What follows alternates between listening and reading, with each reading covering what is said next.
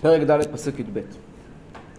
ויגידו לסיסרא כי עלה ברק בן אבינועם הר תבור למדנו שבעצם היה פה תרמית, תרמית, תרגיל ששבטי ישראל מתכוננים למלחמה על הר תבור מה שנותן להם עליונות בשטח וסיסרא לכו משכתה כן, את אה, שבטי, אם הוא מבקש ממנו למשוך, למשוך את השבטים להר תבור, אבל היא תמשוך את סיסרא למרגלות ההר, כלומר לעמק יזרעאל, לאזור נחל קישון. ותקופת חורף וגשמים מרובים, וסיסרא מגיע עם הנשק שלו הכבד אל השטח הבוצי הזה, זה כבר נס ראשון. ויזק סיסרא, פה התורה, הנביא מספר בקיצור מה שהיה, עיקר חלק לא מבוטל מהסיפור מופיע דווקא בשירה אחר כך ולא מופיע בסיפור עצמו. ויזק סיסרא את כל רכבו תשע מאות רכב ברזל ואת כל העם אשר איתו מחרושת הגויים אל נחל קישון. סיסרא לוקח את כל המשוריינים שלו, תשע מאות רכב ברזל, את כל העם איתו כולם מגיעים אל השטח הזה של נחל קישון. ותאמר דבורה אל ברק קום כי זה היום אשר נתן. אדוני את סיסרא בידיך הלא אדוני יצא לפניך. וירד ברק מהר תבור ועשרת אלפים איש אחריו. ויהום אדוני את סיסרא ואת כל הרכב ואת כל המחנה לפי חרב לפני ברק וירא את סיסרא מעל המרכבה וינוס ברגליו וברק רדף אחרי הרכב ואחרי המחנה עד חרושת הגויים ויפול כל מחנה סיסרא לפי חרב לא נשאר עד אחד. חז"ל אומרים סיסרא הגיע עם 40 אלף ראשי גייסות, 30 אלף, 40 אלף מפקדי אוגדה, כשלכל מפקד אוגדה היה 100 אלף חיילים. הוא היה בן 30, כבש את כל העולם בכוחו, היה, כולם פוחדים ממנו. ועד כדי כך שמתארים שהיה יורד לחוץ בקישון, הוא היה עולה בזקן שלו כמה מאכל בני אדם. ותשע מאות סוסים במרכבתו ואף אחד לא חזר בשלום. כן, יש פה, בפסוקים פה כתוב מה, איך, איך היה הניצחון, מה שכתוב כאן, ויהם השם, ויוהם השם. הייתה פה מהומה. אנחנו, אה, מהומה מיוחדת, מהומת אלוקים, שמוצאים דוגמתה בעוד מקומות ספורים בתורה. שלמעשה לסיסרא כמעט, לא- לברק כמעט לא נשארה עבודה. הם למעשה היה שם אחרי רביש ברעהו, ויכה, ואת כל מחנה לפי חרב, הכוונה היא שהם אחד הרגו את השני. היה שם בלאגן גדול, וכל כך גדול, מהומה כל כך גדולה, שסיסרא עזב את מרכבת הברזל שלו, ובורח ברגליים שלו על החיים שלו, וברק רודף אחרי החבר'ה אל חרושת הגויים עד לבסיס האם. איזה רמה מדבר בכל המועד? כנען, נראה לי יוקנעם. כנען. אה? חרושת הגויים נראה לי שזה יוקנעם. חרושת הגויים, לפי הציור פה זה יוקנעם, כן. אבל לא יודעים איפה זה חרושת הגויים, זה סתם השערה. לפי הציור פה זה בדיוק יוקנעם, כן. וסיסרא נס ברגלה. עכשיו, מה בדיוק היה שם במלחמה, זה בשירה אנחנו נראה. פסוק י"ז וסיסרא נס ברגליו אל אוהל יעל אשת חבר הקני כי שלום בין יבין מלך הצור ובין בית חבר הקני. ותצא יעל לקראת סיסרא ותאמר אליו סורה אדוני סורה אליי אל תירא ויעשר אליה אוהלה ותכסהו בשמיכה. ויאמר אליה השקיני נא מעט מים כי צמאתי ותפתח את נוד החלב ותשקהו ותכסהו אמרתי לכם שהם החבר'ה האלה של המדיינים, החבר'ה צאצאי יתרו, כל החבורה הזאת הם באוהלים גרים. כן, הם לא גרים כמו בני אדם, יש להם את המנהגים שלהם. כמו בדואים. הם, כן, הם בדואים, הם ממש בדואים, הם ממש בדואים. הדרוזים למשל הם במקום מדיינים.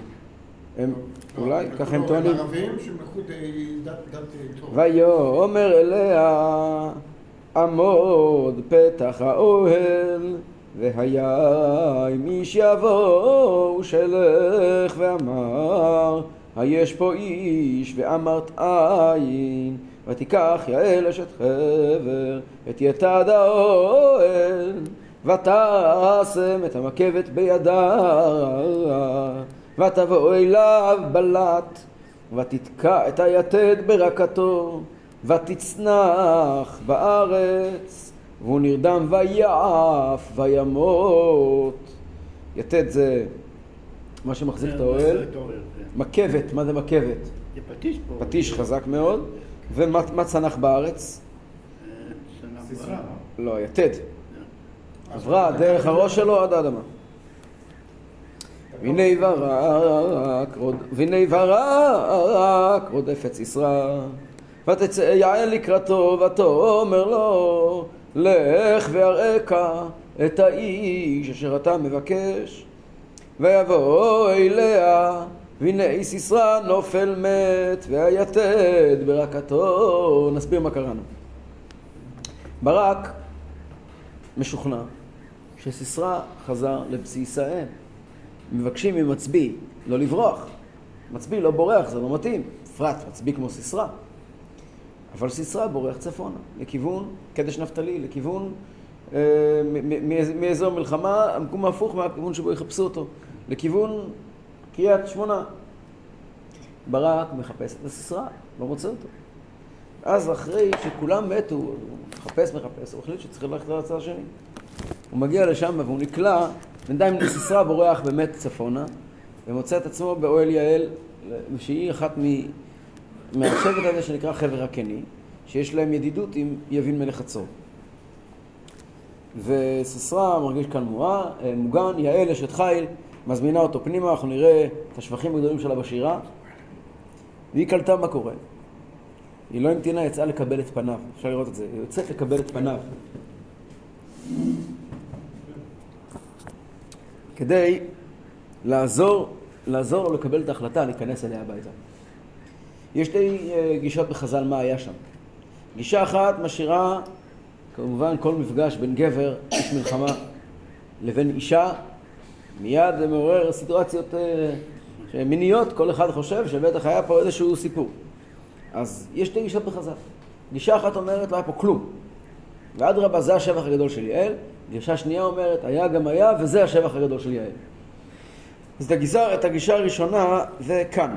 את הגישה השנייה של, ה, של המסירות נפש שלה, שהפקירה את עצמה לדבר עבירה בשביל הקדוש ברוך הוא, זה אנחנו נראה בפרק הבא, בשירה. אז אלה שלומדים שלא היה כלום, לומדים את זה מכאן. כתוב ככה. כתוב במדרש ככה. ויקרא רבה. שלושה הם שברחו מן העבירה, והקדוש ברוך הוא שיתף את שמו בשמם. ומי הם? יעל, יוסף ופלטי, פלטי בן ליש. אז יעל, כתוב, ותכסו בשמיכה. מה זה שמיכה?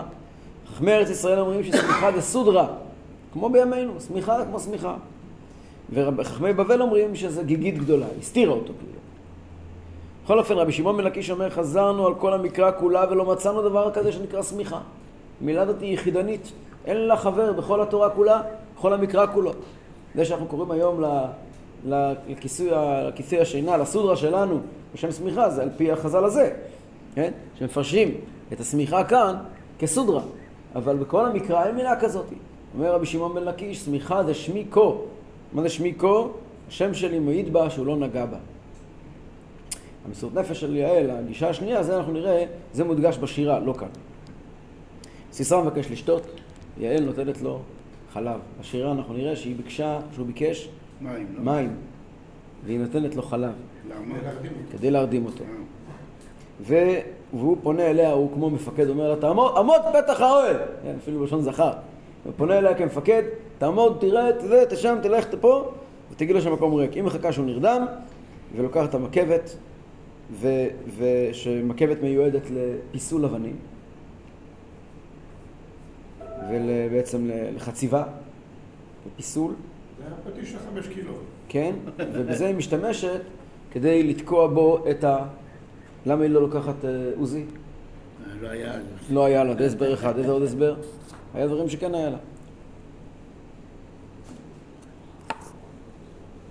שוכב כאן מפקד, ישן מתחת השמיכה. איפה כל הנשק שלו? על ידו. על ידו, נו תיקח את זה ותטפל בסיפור. למה היא משתמשת בכאלה כלים- משונים- משונים? זה לא כלים בפשט היא משונים. פחדה שהוא ישים לב ויתעורר ויהרוג אותה. אם הוא יתעורר ויראה אותה מחזיק יתית ומקבת, זה לא אומר כלום. לא, אבל היה עייף. אבל אה, אנחנו נראה בהמשך גם כן שהיא גם חששה מהאיסור של אה, לא יהיה כלי גבר על אישה. אה, אישה אסור לה להחזיק לי נשק. בכל אופן יעל רואה את סיסרא וקוראת, אה, רואה את ברק רודף ואומרת לו בוא תיכנס ותראה ובזה בעצם מסתיימת המלחמה. ויחנה אלוהים ביום ההוא את יבין מלך כנען לפני בני ישראל. ותלך יד בני ישראל הלוך וקשה על יבין מלך כנען עד אשר הכריתו את יבין מלך כנען. ומכאן אנחנו עוברים ישירות לשירה. יש לנו, כידוע, עשר שירות בתנ"ך, תשע שירים שיש לנו בידיים, ועשירית יעשה המלך המשיח, שירו לשם שיר חדש. והשירות הן, בכל. הן, הן, הן מסתובבות בכל התנ"ך, אבל רק בודדות מתוכן כתובות בסגנון של שירה. כתובות בגרפית, מסודרות כמו שירה. ויש רק שתי שירות של ממש גרפית מסודרות כמו שירה, שזה שירת הים,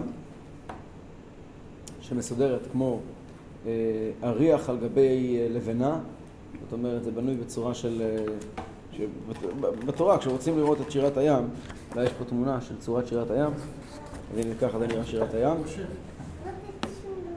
אה, ככה? כן? אגב, שירת האזינו יש לה את הדרך שלה שהיא שני צדדים. שירת הים, היא, היא, זה נקרא אריח על גבי לבנה. חצי שורה, חצי שורה, ואז באמצע. אז כאילו, כמו מבנה כזה, ושירת דבורה נכתבת כמו שירת הים. זו שירה ממש לכל דבר ועניין, מלאה, שירה כמו, כמו שירה מלאה במליצות, ברמזים, בדברים שיש להם יותר ממשמעות אחת. ונותנים איזשהו, התפקיד של שירה זה גם לתת איזשהו מבט נוסף מאחורי הקלעים לכל מה שקרה. את השירה הזאת אפשר ללמוד אה, וללמוד וללמוד ולהעמיק בה, כי יש בה בלי סוף אה, אה, משמעויות ומחשבות. ו, ובעצם, כי זה, בעצם אופי של שירה, זה לא רק מילים יפות. יש כאן הרבה מאוד אה, אה, מלאכת מחשבת מאחורי המילים, שבאים להציג לנו את כל הסיפור כביכול, התפקיד של שירה זה כאילו להסיט וילון ולומר, אוקיי, היה פה נס, אבל מה באמת היה כאן? מה באמת היה כאן? זה התפקיד של השירה. ואפשר לראות באמת אה, יש הרבה מאוד פרשנים על השירה, אנחנו נלמד חלק מהפרשנים עכשיו, חלק אחר כך אנחנו נחזור לשירה פעמיים, נקרא אותה פעם אחת עם פרשנות אחת, אחר כך נלך לחפש את הפרשנויות היותר עמוקות. אחד מהדברים שרואים אה, באמת בשירה, שהיא לא מתמקדת רק בניצחון הגשמי, אלא בעיקר בתהליך הרוחני שעם ישראל עובר בעקבות האירוע הזה. לפני הנס הזה של דבורה, עם ישראל הולך הלוך וחסור. מאז, מאז אה, למעשה, מאז אה, מות יהושע, אנחנו רק בתהליך של ירידה, של נפילה. הולכים ונופלים ונופלים ונופלים, וכעת עם יהושע כעת עם יהושע אה, וכעת עם דבורה הגיעו בעצם לתחתית. והסיפור הזה של אה, ניצחון של דבורה הוא בעצם סוג של מעמד החזרה בתשובה של כל עם ישראל. כמו שהיה הדוגמה, הדוגמה השנייה שדומה לו בהיסטוריה, זה הסיפור של אליהו בהר הכרמל. הר הכרמל והר תבור, אנחנו נדבר על זה. מכירים אותה מהסיפור של אה, ריב הערים. אז כתוב שם, כתוב מפורש בחז"ל, פה רש"י מביא את זה, ש... ש... מדברים שהר תבור והר כרמל זכו למה שלא זכה הר סיני. והר תבור היה מעמד גדול מאוד בהר תבור שעליו אנחנו מדברים. יש מדרש שאומר, אמר רבי סימון כל מי שנעשה לו נס ואומר שירה, בידוע שמוחלים לו כל עוונותיו ונעשה בריאה חדשה. וכן אתה מוצא בימי דבורה וברק שנעשה להם נס, ואמרו שירה, שנאמר ותשר דבורה, מניין שנמחה להם, ואיך רואים שהתחיל? אז תשימו לב, בכל פעם אומר המדרש, מאז יהושע ועד כאן, ויוסיפו בני ישראל לעשות הרע בעיני השם, ויוסיפו בני ישראל לעשות הרע בעיני השם. אחרי שמסתיים הסיפור של דבורה, ותשקוט הארץ ארבעים שנה, ויעשו בני ישראל הרע בעיני השם, לא ויוסיפו. זה כבר לא בהמשך. נגמר הסיפור, ובעצם מתחיל הסיפור חדש. בעצם זה פיק כזה, באמצע תקופת הנביאים, השופטים, של התרוממות עד לשיא של עם ישראל, ועוד הפעם נפילה שלו. ריסטארט, כן? אז דבורה וברק עומדים על הר תבור כעת, וכולם, ומתחילים לשיר. פסוק א' ותעשר דבורה וברק בן אבינועם ביום ההוא לאמור. מה זה ביום ההוא לאמור? אז קודם כל, ראינו בפרק הקודם שדבורה אמרה לברק אם, אה, שאתה צריך לצאת מיד למלחמה. היום. למה היום? זה היום שאתה אמור לנצח. אם אתה תדחה את זה, לא בטוח שתזכה לניצחון. אז זה אחד ההסברים, מה זה ביום ההוא. אה, כן, יש כזה חז"ל שאומר, ביום ההוא היה הרבה ניסים שקרו באותו יום, באותו יום, באותו יום, קרא, באותו יום היא קראה לו, באותו יום יצאו למלחמה, באותו יום ניצחו, באותו יום אמרו שירה. יום מאוד ארוך. וגם במובן הרוחני זה הפיכה, זליק, זה הפיכה של לילה לאור, שהלילה זה המצב הרוחני שעם ישראל היו באותו יום, וביום ההוא פירושו ההפיכה של ההוא, של הדבר הנעלם, של הקושי, ליום לאור. אה, יש אחד הפרש... הפרשנים שכותב, הכלי יקר כותב, ותשר דבורה, לכאורה זו שירת נשים. והתשובה היא ביום ההוא. זה היה היתר מיוחד, חד פעמי, הוראת שעה, שלעבור על דברי תורה לצורך זמני, ופה היה פה תפקיד מיוחד שדבורה הנביאה קיבלה, אז ותשר דבורה ביום ההוא. באותו יום היה היתר מיוחד, אירוע חד פעמי. כן, כן, אבל בעיקר דבורה, כבר נראה. זה נקרא הרי שירת דבורה. מתחילה, מתחילה, מתחילה השירה. בפרוע הפרעות בישראל, בהתנדב העם, אדוני. הפרשן החשוב ביותר לנביא הוא יונתן בן עוזיאל. הוא הקדמון מכולם, הוא עוד לפני המשנה, הוא לפני המדרשים, לפני כולם. אה, מתי הוא חי, יונתן? יונתן בן עוזיאל היה בזמן בית המקדש. בסדר. מתי? בזמן הלל? הלל הזקן. ויונתן בן עוזיאל הוא כתב פירוש נביאים. ופירוש, בעצם כל מי שמפרש את הנביאים... אה? לא תנא. תנא? תנא, תנא, אם זה... מראשוני התנאים, לא רק תנא, הוא מראשוני התנאים. ובאמת, רבי עקיבא? הרבה לפני רבי עקיבא. מאות שנים לפני רבי עקיבא. אה. ובאמת, כל הפרשנים שמפרשים את ה... את ה... זה אותו יונתן בן עוזיאל שכל הרווקים עולים אליו? כן. כן, כן. מה שחשוב זה שהרווקות עולות, זה יכול לעזור לרווקים.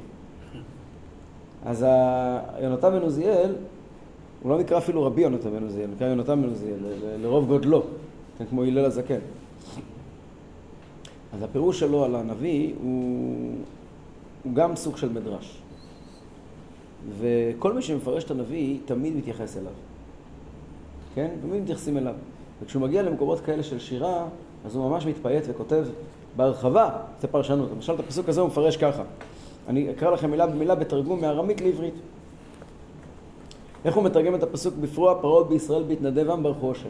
אומר ככה: כאשר מרדו בני ישראל בתורה, בפרוע פרעות בישראל, כשישראל פרעו, כלומר שבני ישראל מרדו בתורה, באו עליהם עמים וטרדו מעריהם. פה יש פה סיפור שלם, הם נזרקו מהערים שלהם. וכאשר שבו לקיים את התורה, התגברו הם על שונאיהם וגירשו מכל תחום ארץ ישראל. ולכן על הפורענות הזו נשבר סיסרא וכל השריון שלו, ועל הנס והישועה שנעשה להם לישראל. ואז שבו החכמים לשבת בבתי הכנסת בגלוי וללמד את העם את דברי התורה. על זאת ברכו והודו לפני השם. לפרוע פרעות בישראל פירושו שהיה פה תהליך של, אה, היה, היה אה, בפרוע פרעות בישראל שעם ישראל לא התנהג בסדר. אז פרעו בו, ואז היה מצב הפוך של בהתנדב העם, של חזרה בתשובה, ואז קרה ברכו השם אפשר לשבת לחזור ללמוד תורה. ככה מפרש יונתן בן עוזיאל.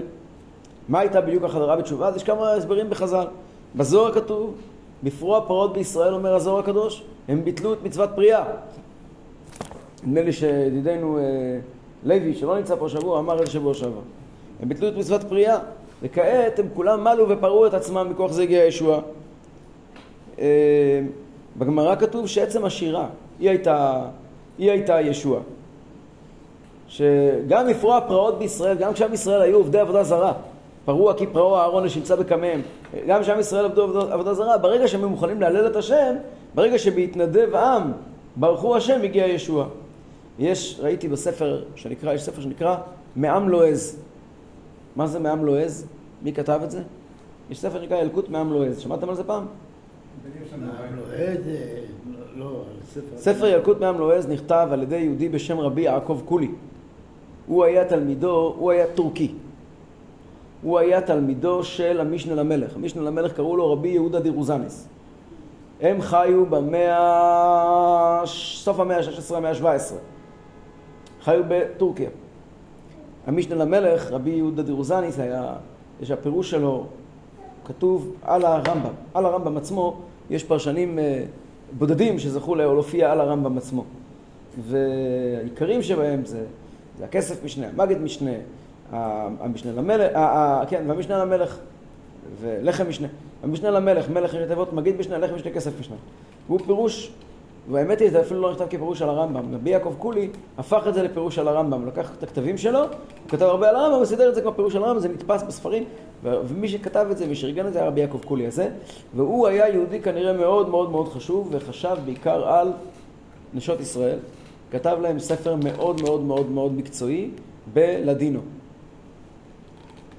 הספר הזה נקרא ילקוט נעם לועז, כאשר אשכנזיות ישבו בכל שבת וקראו צנרנה. מה זה צנרנה? צנרנה זה ספר... לנשים. ספר, ספר לנשים שכתוב יידיש, והוא כל המדרשים על פרשת שבוע. אז כשאנשים קראו צנרנה, ואצל אשכנזים, אז, אז דוברי לדינו קראו מעם לועז. מעם לועז פירושו לשון לעז, מלשון כן, ילקוט מעם לועז. לשון לעז, מלשון כדי לדינו. ולפני, זה באמת ספר מאוד מאוד מאוד חשוב, ומאוד מאוד מאוד אה, מאוד מאוד אה, אה, מיוחד בעריכה שלו ובזה, וכולו מלוקט בכל מיני מדרשים, בכל מיני מקורות, בכל מיני חז"לים, ולפני בערך 50-60 שנה הוא תורגם לעברית. ואז אחרי שהוא תורגם לעברית הוא נהיה ספר מאוד פופולרי, כמעט בכל בית אפשר למצוא אותו. וספר מאוד מאוד פופולרי, ולאחרונה, לאחרונה, אז כשעשו את העבודה של התרגום, אז גם הלכו והרחיבו את זה למקומות שעדיין לא כתב בעצמו. ובאותו סגנון המשיכו את כל, ה, את כל, ה, את כל הסדרה. שם ראיתי, בשם כל מיני ספרים שאני לא הגעתי אליהם, פירוש נורא מעניין. אה, אם הוא היה אומר את זה בשם עצמו, זה לא זוכר אם רבי יעקב קולי כתב את, על, על שופטים או שזה ההוספות. אבל זה על פשט ספר ספרים שהסתובבו בארצות האלה, בארצות המזרח. ספר מאוד, פירוש מאוד יפה, שהוא מאוד אקטואלי. אומר ככה, לפרוע פרעות בישראל, שעם ישראל לא היה ראוי לשום דבר, כן, עבודה זרה וכאלה, בהתנדב העם והיו מוכנים ללכת להתנדב לצבא, הם זכו לישוע. בזכות מה הם זכו לישועה? בזכות ההתגייסות שלהם. כן? זה היה התפנית שהביאה לישועה. פסוק ג' שימו מלאכים, שימו מלאכים, שימו מלאכים, האזינו אוזני, אנוכי לאדוני אנוכי השירה, אזמר לאדוני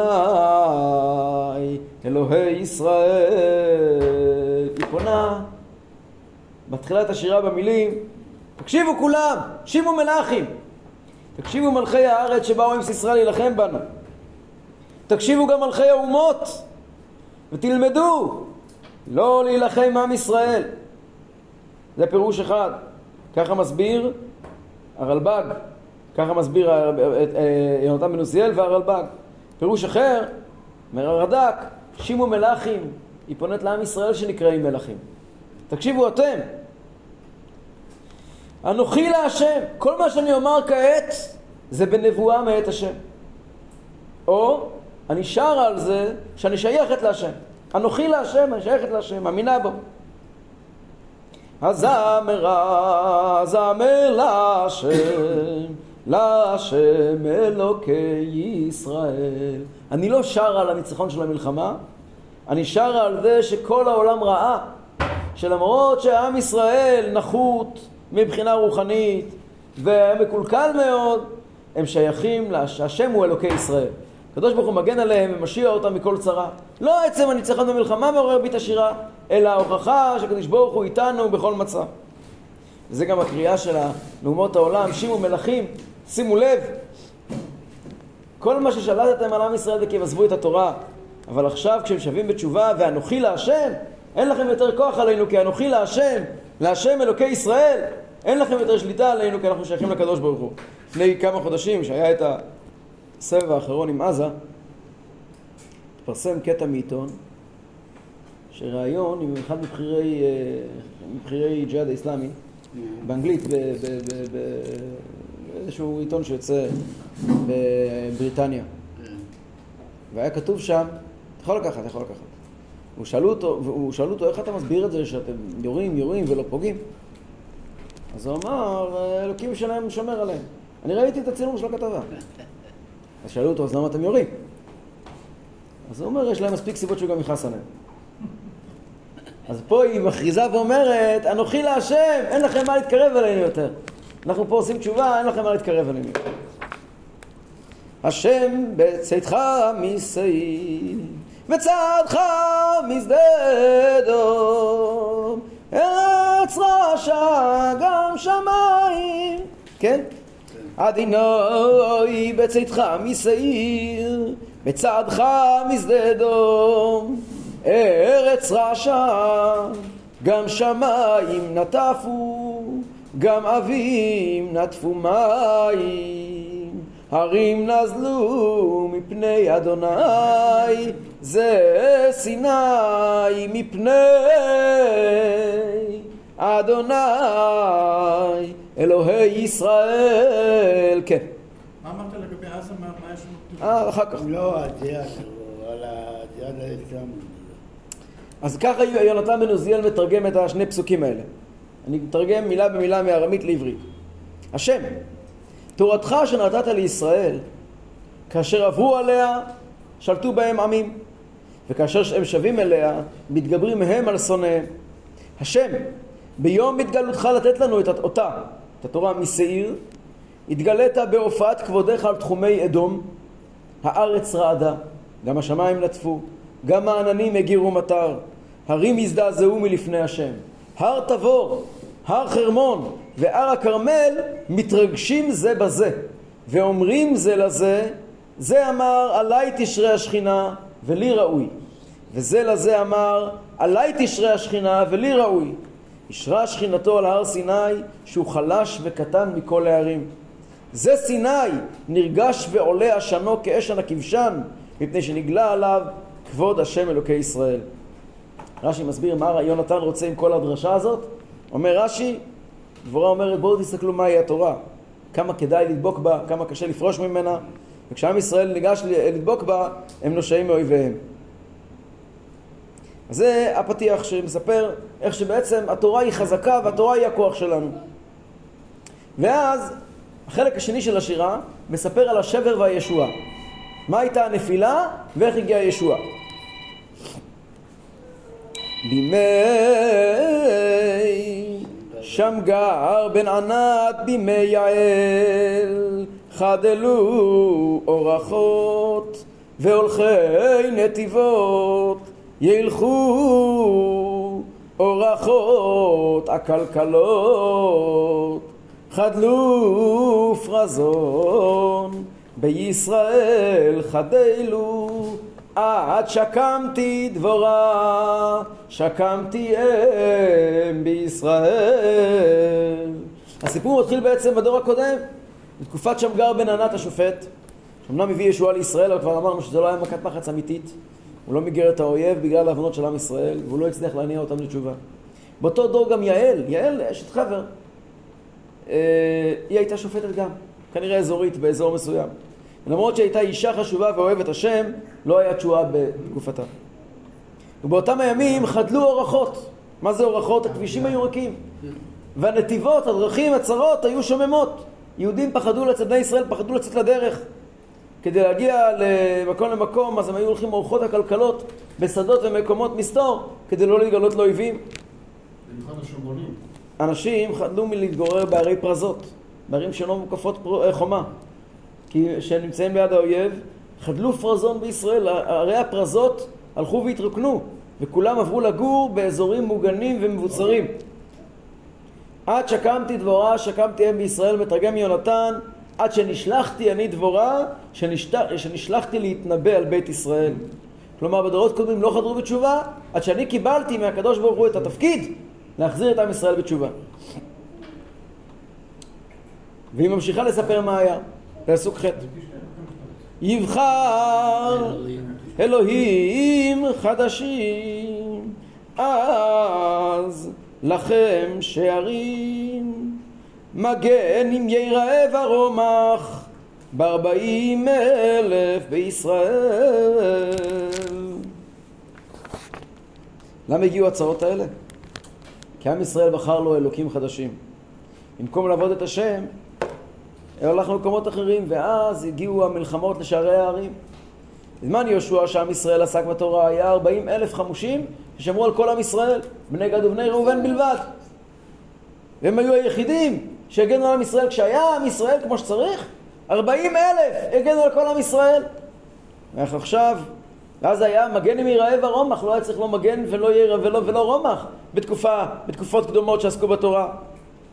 אבל עכשיו, כאשר עם ישראל הלך לעבוד עבודה זרה, אז לא עזר שום דבר, וסיסרא עלה עליהם, ויונתן הסביר שסיסרא הגיע עם 40 אלף והצליח לשלט את כל עם ישראל עם 40 אלף בלבד. טוב. פונה דבורה לשבח את עם ישראל. ליבי לחוקקי ישראל המתנדבים בעם ברכו אדוני למרות שהמצב היה בקנטים היו יהודים, היו בני ישראל ששמרו את המסורת והעבירו את התורה ואומר יונתן ככה, הפסוק הזה אמר דבור, אמרה דבורה בנבואה אני שליחה לשבח את סופרי ישראל, כלומר את המורים שכאשר הייתה צרה לא פסקו מלדרוש בתורה וכך ראוי להם שישבו בבתי כנסת בפרסום, מלמדים את העם דברי התורה ומברכים ומודים לפני השם. היא ממשיכה לברך את אותם יהודים שעם כל המצב הקשה לא הפסיקו את העיסוק בתורה. כן? רש"י אומר שהיו אנשים שכל הזמן עודדו, עברו ממקום למקום, אה, דאגו לעשות אה, פעולות של לקרוא לעם ישראל, להתנדב בעם, לקרוא לעם ישראל לחזור בתשובה. הפסוק הבא גם עוסק בהם. רוכבי אתונות צחורות יושבי על מידין והולכי על דרך שיחו. אתונות סחורות, זה היה סמל של מעמד גבוה וחשיבות. כך כותב רבי... כך כותב ארידי טירני. הלכתי לבדוק את הרופא. ו? הדיינים, מחוקקי ישראל, שיושבים על דיני התורה, כעת יכולים לשבת ברוגע. זה לגבוע בשב פה לידי. בוא, שב כאן. תן לו, תן לו. כן? אתה שומר עליו. אז הם, אה, הם יכולים כעת לשבת ולדבר בנפלאות השם. רש"י אומר, אה, אה, יונתן אומר שלא היה להם זמן עד עכשיו לעסוק בתורה. כי הם היו עסוקים בתהליכי, בללכת מעיר לעיר ולדאוג שלא תשתכח תורה בישראל. אז לעצמם לא היה זמן ללמוד. הלכו, פתחו בתי חב"ד בכל מקום. לא היה להם זמן לעצמם. אז אומרת להם, אומרת להם דבורה, עכשיו שברוך השם... מישהו רוצה כוס קפה? עכשיו שברוך השם היה ניצחון במלחמה ועם ישראל חוזר בתשובה, אתם תוכלו סוף סוף לשבת ללמוד תורה כמו שתמיד רציתם. ולמה מדגישים דווקא אותם? אז כתוב בתנא דבי אליהו, כתוב ככה, מה היא אומרת להם? אומרת תנא דבי אליהו, אתם יודעים במי היה הניצחון? מי עשה את הניצחון? אלו היו אותם המתנדבים בעם. מי זה? אומר, אומרת להם, זה בני אדם שמשקיעים ומערבים לבית הכנסת ובית המדרש ואומרים אמן, מברכים את הקדוש ברוך הוא בכל יום תמיד. ליבי לחוקקי ישראל המתנדבים בעם ברכו השם וכבי הטענות צחרות. אין צחרות אלא לשון נקיות, שהם נקיים מן הגזל. יושבי על מדין, בני אדם שמעמידים את הדבר על דין אמת, כן? הולכי על דרך שיחו זה סנהדרין שהעולם נשען עליהם, והם לא מדברים שיחה בטלה לעולם, הם תמיד עסוקים בתפקיד שלהם, להגיע לכל יהודי, כן? ו... זה בדרך כלל בכוח הצבאי זה תמיד בא מעמך פשוט, מהסוחרים, מה... אז יש באמת מפרשים שמסבירים שרוכבי הטענות סחרות זה הכוונה היא סוחרים ושרים שיכולים ללכת, אה, כעת יכולים ללכת בכביש בלי לפחד. ובפרט יושבי על מדין, יש פרשנים שאומרים שיש עיר שנקראת מדין והתושבים שלה סבלו במיוחד. והיא אומרת להם, יושבי על מדין, עכשיו אתם יכולים אה, להירגע ו- וללכת בטוח, ומילא יש לכם חובה לספר את נטילות השם. מכל מחצצים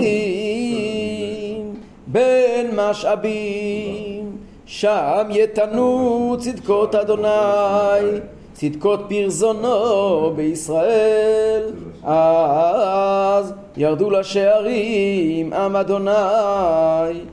רוב המפרשים מסבירים שפה היא חוזרת לת- לתאר את הקושי שהיה לפני כן. ככה יונתן אה, קורא את הפסוק הזה. מהמקום שבו היו אונסים אותם ולוקחים את כל מה שבידיהם מבסיסי הליסטים ומושבי המוכסים שהיו גובים מהיורדים לבארות למקומות שלשם היו יוצאות בנות ישראל למלא מים בדממה שהם לא היו יכולים להשמיע כל פסיעות רגליים מפני השונאים והמעיקים שם יודו. ועל ישועות השם ועל הישועה שהושיב את ערי הפרזות בארץ ישראל שכעת ירד עם השם, כעת ירד עם השם מהרי המבצר לשבת בחזרה בערי הפרזות על זה צריכים להודות להשם עוד הסברים יש, כן? אז מה הדברים המחצצים? הסבר אחד זה, זה מלשון, אה, אה, אלה שהם אה, מלשון חיצים אלה שהם באנשי המלחמה שיורים חיצים ופירוש אחר זה האבנים שהחצץ שהולכים על החצץ כן, המילה חצץ מגיעה מהפסוק הזה, הרעש של ההליכה, והם היו צריכים מאוד מאוד להיזהר ש, שלא יהיה, ולכן עכשיו במקומות האלה אפשר לברך את השם. במקום הרעש של החיצים או של החצץ, כעת ישמעו קול שירה. ערי הפריזי שהיו מקודם, אה, ערים הפרוזות היו נקיות מעין יושב, כולם ברחו משם, כעת משמה ישמעו את, את, את, את, את שירה, שירה והודיה להשם. פסוק י"ב אורי אורי דבורה, אורי אורי, יש שם עוד ספרים.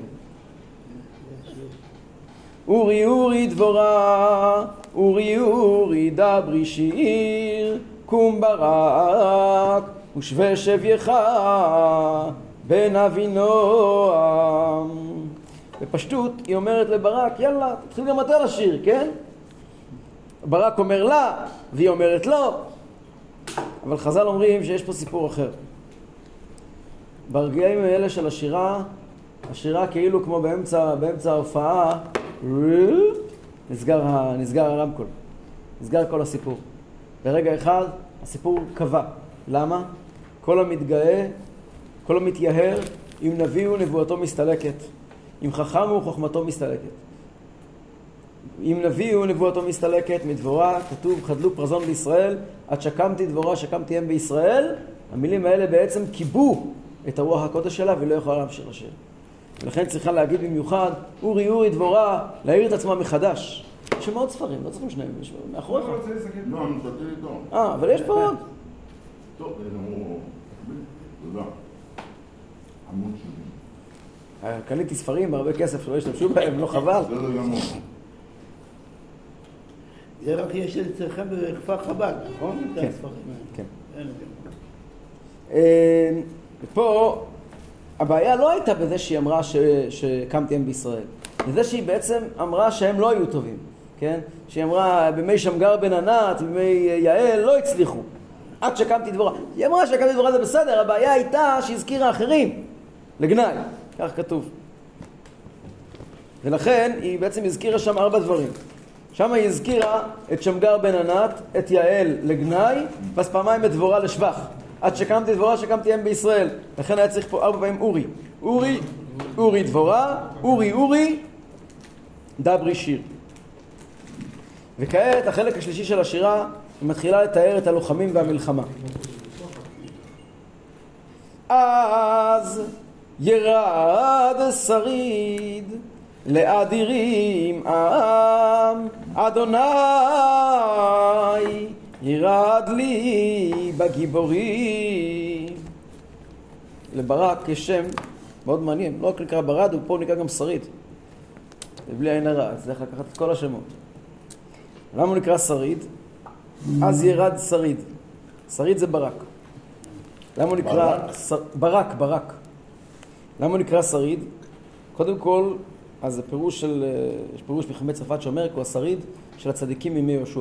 כמו שאמרנו שהיה פירוש, הוא היה מי שהיה מתלמידי יהושע הב- הבולטים. הסבר שני שהוא הצליח לכנס על עצמו את כל השרידי נשק שנשארו מדורות קודמים אחרי שלא אפשרו לנשק בעצם להתקיים בעם ישראל. יש כאלה שמסבירים שהיה הר בחלק זבולון שנקרא שריד. יש הר כזה שמופיע ביהושע. כן. וברק מגיע משם ולכן הוא נקרא שריד. ככה כותבים חלק מהפרשנים. ההסבר האחרון, וממש פשט, שריד מלשון בגדי שרד. שריד פירושו קצין וראש. כך כותב רבי יוסף קרא. יודעים מי זה רבי יוסף קרא? כן, בטח. זה ש... לא, קרא? את השולחן ערוך. לא, לא. לא, לא, לא. רבי יוסף. קרא הוא. צאצא של רבי יוסף קרא. מי היה רבי יוסף קרא? היה 400 שנה לפניו. אה, מה, הוא היה מהראשונים. הוא היה מהראשונים. רבי יוסף, רבנו יוסף קרא, צריך לומר, אתה צודק, הראשונים.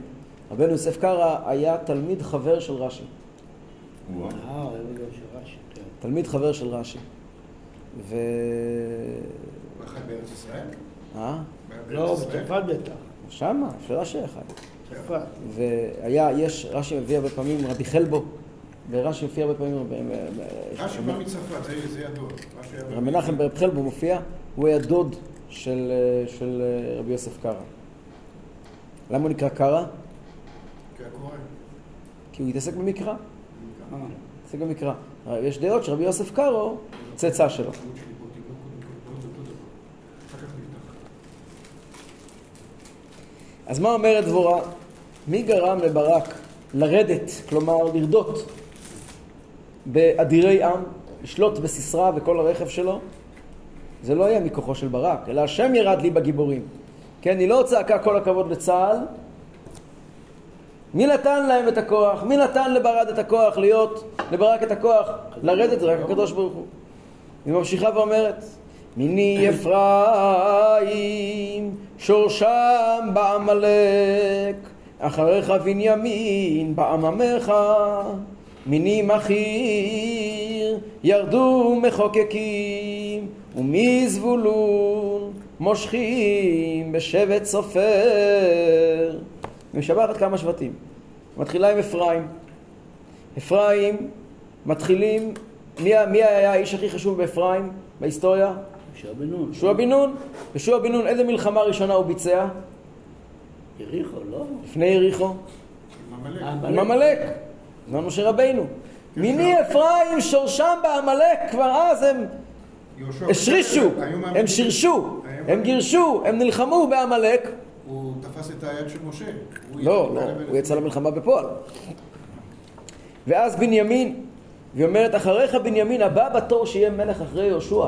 בעם ישראל מי יהיה? שאול. מבנימין, שאול. כן, זאת נבואה. וגם הוא יילחם. אתם התחלתם שורשם בעמלק, מלחמת עמלק התחיל, יהושע. מי יסיים את מלחמת עמלק? שאול. שאול. כן? והוא יגמור אותם עד שלא יישאר מהם רמץ. רק רמץ, טיפה ממש, כמו גחלים עוממות. זה פירוש, אחריך בנימין בעממך. אתה, בנימין יבוא אחרי יהושע, והם ישאירו מכל עמלק רק רמץ, רק מעט מאוד. אבל אה, שאול לא לא עשה מה שהשם אמר לו. בסדר, אבל הוא נלחם בעמלק. נלחם. נלחם, כן. ואז היא עוברת לדבר על שבט מנשה, מזכירה את מחיר. מחיר בן מנשה, היה קראנו בתורה השבוע, הלך, הוא כבש הרי היה כיבושים גדולים של מחיר בן מנשה את כל עבר הירדן. אז מיני מחיר, אבל משם הגיעו, מהשבטים האלה הגיעו גם כעת, ולא הגיעו רק משם, רק פושטקים, כל מיני כאלה שאין להם מה לעשות, אלא גם הגיעו, ירדו מחוקקים. ירדו משם אנשי תורה ו- ו- ו- ו- ואנשי משפט ואנשי חוכמה, ירדו משם כדי להילחם. הגיעו ממנשה, מעבר הירדן, הגיעו מחוקקים להצטרף למלחמה. וגם בעתיד יבואו מעבר הירדן ויסייעו לשאול במלחמה שלו. וגם זבולון פה מוזכר בשבח שהם לא השאירו בבית אפילו את, סופר, את הסופרים. אפילו את אלה שמושכים בשבט סופר ואין מתפקידם להילחם, גם הם לא נשארו בבית וכולם יצאו למלחמה. פסוק ט"ו ושרי ביששכר עם דבורה ויששכר כן ברק בעמק שולח ברגליו בפלגות ראובן גדולים חיקקי לב יששכר היו תלמידי חכמים גדולים מאוד כידוע הם היו עוזרים לדבורה לשפוט ובכלל הם לא היו מרגילים במלחמה ובכל זאת הם ירדו למלחמה ברגליים, אפילו לא חיפשו בהמות לרכוב עליהם. אבל פה היא עוברת לביקורת.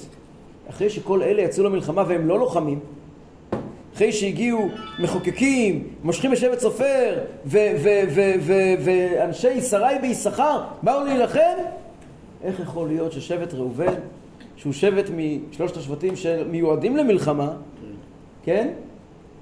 של ראובן וגד וחצי שבט המנשה, איך יכול להיות שראובן לא הגיעו להילחם? כן? הם לא שלחו חיילים? לא שלחו חיילים. זאת אומרת, גדולים בפלגות ראובן זה שהם התפלגו ולא הגיעו איתנו, זה בסדר גמור. בואי. אז, אה, אז אה, איך יכול להיות? יותר מזה, היא מאשימה אותם בהאשמה מאוד מאוד חמורה. היא מאשימה אותם בהאשמה בלתי נתפסת. בפלגות ראובן גדולים חיקקי לב, אומרים חז"ל, מה הפירוש? מה, מה היא אומרת להם? אתם ישבתם, אנחנו נראה את זה עוד רגע, לראות מי ינצח במלחמה. אתם בכלל לא חשתם אחווה. בכלל לא חשתם חלק מהסיפור. אתם יושבים הרי בעבר הירדן, אין לכם שום... אה, אתם לא סובלים מהסיפור. ישבתם להמתין מי ינצח ולהצטרף אליו. איך זה יכול להיות? בואו נראה את ט"ז. למה ישבת בין המשפטיים לשמוע שריקות עדרים לפלגות ראובן גדולים חקרי לב איך היית מסוגל לשבת על הגדר להאזין לשריקות ולקולות מהמלחמה להצטרף. ולראות ולא, ולא, ולראות מי ינצח ולא להצטרף ואם אתה טענה שאתה פחדן, אתה חששן, אז למה לכתחילה ישבת בין המשפטיים? למה לכתחילה הלכת לגור בעבר הירדן? שמשה רבינו, למה ביקשת את זה ואמרת שאתה תהיה לוח, אתם תהיו לוחמים לטובת עם ישראל? אם אתה לא אמיץ, למה עברת לגור באזורי הספר של עם ישראל? איך אתה יכול להיות שלא הגעת למלחמה? ואם תגיד שאתה גר רחוק ולכן לא באת, סליחה, פסוק י"ז, גלעד בעבר הירדן שכן ודן למה יגור אוניות אשר ישב לחוף ימים ועל מפרציו ישכון. אם תענה ראובן שאתה גר רחוק בעבר הירדן היי אמרנו ממנשה הגיעו גלעד משפחות מנשה שנמצאים בעבר הירדן הגיעו למרות שהם גרים רחוק וכן, בני מכיר כן הגיעו. ואז היא עוברת לצעוק על דן ואשר. דן הכניס את כל. את כל, ה... את כל הממון שלו בספינות כדי לברוח במידה וסיסרא ינצח. נמושות, כמו שאמר אה, רבין. גם אשר נשאר לשמור על הים, כדי שלא ינזק מהאויב. יש כאלה שאומרים שדווקא דברה פה מלמדת זכות על אשר, שיושב על הים והוא חשש מכיבוש דרך הים, ולכן, למרות שאשר נמצא מאוד מאוד קרוב לשטח המלחמה, אשר ממש קרוב, הרי חיפה שייכת לאשר, בכל זאת הוא לא בא מכיוון שהוא חשש שסיסרא יעשה תרגיל ויתקוף דרך הים. זבולון עם חרף נפשו, נפשו, נפשו למות ונפתלי על מרומי שדה. לעומת זאת, זבולון ונפתלי הם ראויים לכל שבח. הם חירפו את נפשם למות ורחמו על מרומי שדה באופן גלוי מעל ההרים, לא במחבור, בלי פחד, כדי להינקם מאויבי השם שחירפו וגידפו לפני השם. ואז מגיע החלק הרביעי, ואולי אה, אנחנו נעצור כאן אני חושב. כן? ונעבור ל... אולי עוד כמה שורות. נקרא את השירה עד הסוף בזריזות, ואז, אה, ואז בפעם הבאה נלמד את השירה בעומק יותר. באו מלכים נלחמו, אז נלחמו מלכי כנען, בתענך על מי מגידו, בצע כסף לא לקחו, היו שבטים שנשארו בבית, היו מלכים גויים שבאו לעזור לסיסרא ולא ביקשו כסף. הגיעו פה טנקים מעיראק ראיתי. הם לא באו לקחת כסף, ראו בזה זכות, השם ישמור.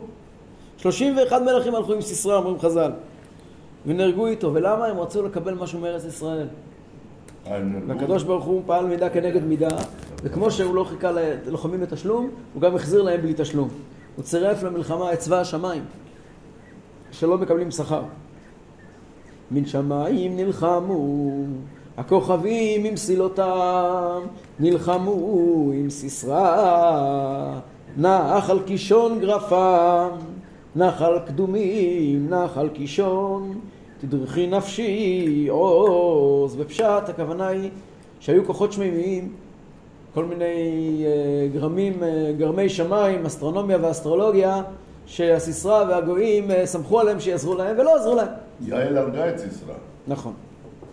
ולכן זה נחשב כאילו הכוכבים נלחמו עם סיסרא. וחז"ל אומרים שהיה פה ממש מלחמת כוכבים. כתוב בחז"ל ככה, בגמור בפסחים. כשבא סיסרא, הקדוש ברוך הוא בא עליהם. הוא הגיע במרכבות ברזל, הוציא הקדוש ברוך הוא עליהם כוכבים עם סילותם. שנאמר מן השמיים נלחמו הכוכבים. כיוון שנחתו כוכבי שמיים עליהם, מה שנקרא בימינו, הגשם של מטאורים, הוא תחום מרכבות הברזל. ואז היה חום נורא, אז הם ירדו להתקרר בנחל קישון. מיד גרפם נחל קישון ושליחם לים, שנאמר, נחל קישון גרפם, נחל קדומים. בכל אופן, המשמעות הפשוטה היא שהמלחמה בכלל לא התנהלה בעולם הזה, אלא מלחמה מתנהלת בעולמות העליונים, כן? כל מלחמה זה ככה, אבל פה זה היה באופן גלוי. כולם ראו שהמלחמה היא בכלל לא כאן, המלחמה פה היא רק הד למלחמה האמיתית שמתרחשת לשמי שמיים. הפלא הגדול הוא שנחל קישון שהוא רדוד בדרך כלל, פה היה תדרכי נפשי עוז, בדרך כלל אני יכול ללכת בו באופן רגוע בתוך הנחל, לחצות את הערוץ, ופתאום הוא הפך לכזה נחל שוטף, שמטביע את כל חיל סיסרא. אז הלמו עקבי סוס מדהרות, דהרות אבירה, החום האדיר שנוצר בעקבות אה, אותה, אותו, אותו נפילת כוכבים, הרתיח את הטיט של האדמה, הפרסות של הסוסים נשלפו מהרגליים מרוב חום, האבירים מנסים לדהור, והם לא מצליחים, הסוסים לא יכולים להתקדם, כאילו נשברו הרגליים שלהם, והבלבול מהסיטואציה גרם לאבירים לרמוס זה את זה לסוסים שלהם. ודבורה ממשיכה ומקללת קללה מיוחדת את מרוז. אורו מרוז, אמר מלאך אדוני, אורו ארו יושביה, כי לא באו לעזרת אדוני, לעזרת אדוני, בגיבורים. מי זה מרוז? יש שתי דעות בחז"ל, גמרא מועד קטן. יש אומרים שהוא היה אדם גיבור בשם מרוז שהיה באזור ויכול היה לעזור, יש אומרים זה כוכב. לשמיים נלחמו, יש כוכב? בשם מרוז? כן, שמימי, ושם אה, היה, יש תושבים ב- בכוכב מרוז, אני מכיר את משפחת מיידוס. נכון, הם כוכבים. אז יש כוכבים בכוכב מרוז, אבא היה... היה כוכב. מגרמניה, היה שגריר בגרמניה. אה, נו, אני מדבר איתך על כוכבים. אז יש פעם מישהו כתב לרבי, שאלו את הרבי אם יש חוצנים. אז הרבי אמר שבחז"ל זה לא מופרך, הנה, יש דעה בחז"ל שמרוז זה משפחת חוצנים. כן. אז uh, בכל אופן, אז יש חז"ל אומרים ש, שברק הלך, ברק פה הוא מלאך השם שהוא מנדה ומחרים אותם. כתוב בחז"ל שהוא הוציא 400 שופרות והחרים אותם. מה זה הפירוש השני בסוף בכוכבים, שזה הגיבורים הגדולים? יש הסבר שזה המרוז, זה השם של הכוכב של, והמזל של ברק עצמו. זאת אומרת שהמזל שלו היה צריך אה, להתהפך ולפעול לטובת עם ישראל. טוב. כעת מגיע הסיום של השירה, החלק החמישי, השבח של יעל. תבורך מנשים יעל. יש פה סיפורים שלא סיפרנו מקודם. אשת חבר הקיני, מנשים באוהל תבורך. פשט היא אומרת, כל הנשים באוהל צריכות לברך את יעל, כן? שכעת הן יכולות לשבת באוהל בשלום, בלי לדאוג מסיסרא וחילותיו. בפרט שאולי היה מקום ביקורת על יעל, שהיא פועלת בצורה אכזרית ולא נשית מספיק. אבל השם יודע שהיא עשתה את זה לשם שמיים, ולא לשום מטרה אחרת. חז"ל אומרים, נשים באוהל תבורך, הכוונה היא לשרה, רבקה, רחל ולאה, שנקראים נשים באוהל, כן? והם, הם בעצם עומדות ומקנות, מקנות בזכות הגדולה של יעל. כמו שאנחנו נראה, למה צריכים, אה, למה דווקא הם צריכים לברך את יעל, בראשיס רבו, עוד מעט אנחנו נראה שבעצם אה, הרעיון הוא שמכיוון, נראה את זה עוד מעט, למה צריכים את הברכה, צריכה ברכה מיוחדת מנשים באוהל, משרה רבקה רחל ולאה. מים שעל חלב נתנה, בספל אדירי, מקריבה חמאה. יעל רצתה לדעת כמה שהוא צלול וחד, ועשתה לו תרגיל. הוא ביקש מים, הביאה לו חלב. רוצה לדעת, לשים לב, האם הוא ייקח את זה, יבין שזה חלב, או שהוא ייקח את זה כמו מים. וזה ככה רצה, ברגע שהוא שתה את זה בבת אחת, היא הבינה שהוא לא במיטבו. ואפשר לטפל בו, והביאה לו בספל מאוד גדול, ספל אדירים, שמיועד לאנשים חשובים. והדגשה בספל הזה כדי שיחיש בטוח לצידה. חוץ מזה זה היה חלב, חלב מאוד חזק וסמיך, עם שומן, שלא הוסר ממנו, זה היה שמנת, זה היה יוגורט, כן? ושהוא מאוד מרדים. ידע על היתד תשלחנה, וימינה להלמות עמלים, והלמה סיסרא מחקה ראשו, ומחצה וחלפה רקתו. יעל קיבלה עוז מלחמה, קיבלה כוחות אדירים. ביד שמאל היא אחזה את יתד האוהל, זה אמור להיות דבר מאוד כבד. וביד ימין הרימה את מכבת הברזל הגדולה והכבדה, שמיועדת בדרך כלל לעמלים, לאנשי עמל, אנשים עם המון המון כוח פיזי. והיא בסך הכל עקרת בית. והיא ניגשה לסיסרא, נתנה מכה אחת ברקה שלו, פתחה את הראש, ואז היא נתנה עוד מכה שהעבירה את היתד מצד אחד לצד שני. וכל זה לא מכוחות שלה, אלא מתוך קנאת השם שבערה בה, כך כותב האלשיך. ויונתן בן עוזיאל מוצא פה שבח מיוחד. טובה יעל, מתרגם מילה במילה מיונתן, רק בתרגום לעברית, טובה יעל אשת חבר השלם, שקיימה מה שכתוב בספר תורת משה, שלא יהיה כלי זין גבריים על אישה, ולא יתקשט גבר בקישוטי נשים, אלא ידע ליתד תשלחנה, ולא לכלי נשק. יש אה, מדרשים יותר מאוחרים שקושרים את זה עם, עם מזמור אשת חיל שאנחנו אומרים בליל שבת. ידיה שלך בקישור זה הולך על יעל, שלא טיפלה באמצעות כלי נשק אלא באמצעות קישור, באמצעות יתד. למה? כי, היא נזהרה מהעניין של חס ושלום גיוס נשים. כ"ז בין רגליה קרא נפל שכב ואין רגליה קרא נפל באשר קרא שם נפל שדוד. כשהיא הניפה את המקבת היא עמדה בצורה כזאת ששני הרגליים שלה היו משני אברי הראש שלו, בבת אחת היא הרגה אותו. זה הפשט. אבל ישנה פירוש נוסף שמופיע בגמרא בכמה מקומות. אמר רבי יוחנן, שבע בעילות בעל אותו רשע באותה שעה. שנאמר, בין, רגל, בין רגליה קרה, נפל, שכב, באשר קרה, שם נפל, שדוד. יש פה, נפל שדוד, יש פה שבע לשונות של, של שכיבה. כן? זאת אומרת, למרות שכמובן לא היה לה יותר מדי בחירה פה בנושא הזה, אבל משמע בגמרא שהיא כן בחרה בזה. והיא דאגה שזה יקרה, למה? כדי להתיש אותו, ויהיה אפשר להרוג אותו. הגמרא אומרת, זה נקרא עבירה לשמה. מה זה עבירה לשמה? מצד מי העבירה? זה עבירה. מצד יעל. זאת עבירה, אבל זו עבירה לשמה. הגמרא אומרת על זה גדולה עבירה לשמה ממצווה שלא לשמה. לפעמים בן אדם עובר עבירה ועבירה לשמה, עבירה לשם שמיים, אז זה דבר מאוד מאוד מאוד גדול, למרות... היא לא הייתה נשואה. היא כן, אשת חבר. אומר, כן, אומרת הגמרא ככה, אמר רב נחמן בר יצחק, גדולה עבירה לשמה יותר ממצווה שלא לשמה, שנאמר, תבורך מנשים יעל אשת חבר הקני, מנשים באוהל תבורך. מי זה נשים באוהל? שרה, רבקה, רחל ולאה.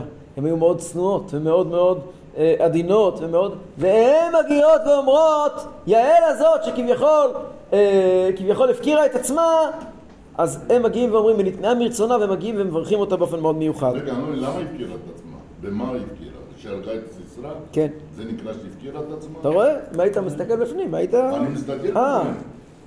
אבל לא הבנתי למה הפקירה את עצמה. מכיוון שחז"ל אומרים ששבע בעילות בעל את כן, זה הרשע. לא, מה זה- מה זה שבע בעילות פה? מה? טוב, איך הוא בעל אותה? על ידי זה שהוא מת בין הרגליים שלו? לא, לא, קודם. קודם, לפני כן. אה, והרי אומרת הגמרא, והרי נהנתה מעבירה, הרי בפועל היה שם גם הנאה. עונה הגמרא, לא, אמר רבי יוחנן משום רבי שמעון בן יוחאי, אפילו טובתם של רשעים רעה היא אצל צדיקים, היא סבלה מזה סבל רב. בקבלה כתוב שבכל זאת אה, הייתה צריכה תיקון לעניין הזה, ו... ועל זה נדבר בעזרת השם בשיעור הבא, על התיקון שהייתה צריכה. והסיום זה על אם סיסרא. בעד, כביכול, היא עוברת לתאר את הטרגדיה מהצד השני. יש פה בארץ אנשים שאחרי כל מלחמה צריכים מיד לבדוק, מסכנים מהצד השני, נכון? מאיפה זה מגיע? מגיע מפה. לא, לא, זה חלק מה... זה שירה טרגית כזאת, כי בעד החלון נשקפה ותייבב, אם סיסרא בעד האשנב, מדוע בושש רכבו לבוא, מדוע החרו פעמי מרכבותיו, חכמו צרותיה תעננה אף היא, תשיב אמריה לה, הלא ימצאו יחלקו שלל, רחם רחמתיים לראש גבר, שלל צבעים לסיסרא, שלל צבעים רקמה, צבע רקמתיים לצברי שלל. היא כאילו בוכה ומחכה, למה אין הודעות מהחזית? החכמות שבשרות שלה מרגיעות אותה, והיא מרגיעה את עצמה, אין מה לחשוש. הם הרי היו עסוקים בביזה ובאונס של הנשים היפות בישראל. כל אחד לוקח לו שתיים, שלוש נשים. הם יביאו בגדים יפים, הרבה צבעים, אותם הם צבע זה הדבר הכי יקר. ילבשו אותם על הצוואר, ואת הדברים הכי יקרים יביאו לסיסרא בעצמו. ודבורה בעצם, כשהיא אומרת את זה, רוצה להזכיר לעם, תחשבו איזה אסון יכול היה לקרות פה. כשהיא מתארת את הציפייה של אם סיסרא ואת הנחמה שמנחמת את עצמה, זה הדרך שלה להגיד לעם, שימו לב מה יכול היה להיות פה. היא גם רצתה להזכיר את גנותם של שונאי ישראל, איך שהם שקועים ברפש, מה הם מונחים, מה מעניין אותם. ועוד הסבר מאוד יפה מופיע בספר העיקרים. אם סיסרא פנתה למומחי אסטרולוגיה ושאלה למה הוא מתאחר במלחמה. אז הם אמרו לה ששתי נשים החלישו את כוחו והוא מלא דם. הראש שלו מלא דם. הם לא ידעו את הפרטים. אבל אה, שזה דבורה ויעל, על חכמות צרותיה פירשו כמו שהם רצו שהחולשה היא מרוב הבהילות. והדם זה בגדים אדומים ושר צבעים, וכל הצבעים שמונחים על הראש של סיסרא. כן יאבדו כל אויביך אדוני ו- ואוהביו. כצאת השמש בגבורתו ותשקוט הארץ ארבעים שנה. אומרים חז"ל זה תשובה לאותם חבורת סיסרא. בעד החלום נשקפה ותייבב עם סיסרא והם עונים לה ימצאו יחלקו שלל ורוח הקודש אומרת כן יעבדו כל אויביך השם ואילו אוהבי השם יזכו לגילוי אור השם צאת השמש בגבורתה ותראה סיום אני רואה 40 שנה. זה- ותשקוט הארץ 40 שנה לא אמרה דבורה כמובן זה מוסיף שמואל הנביא עורך הספר הבנתי. אה, זה.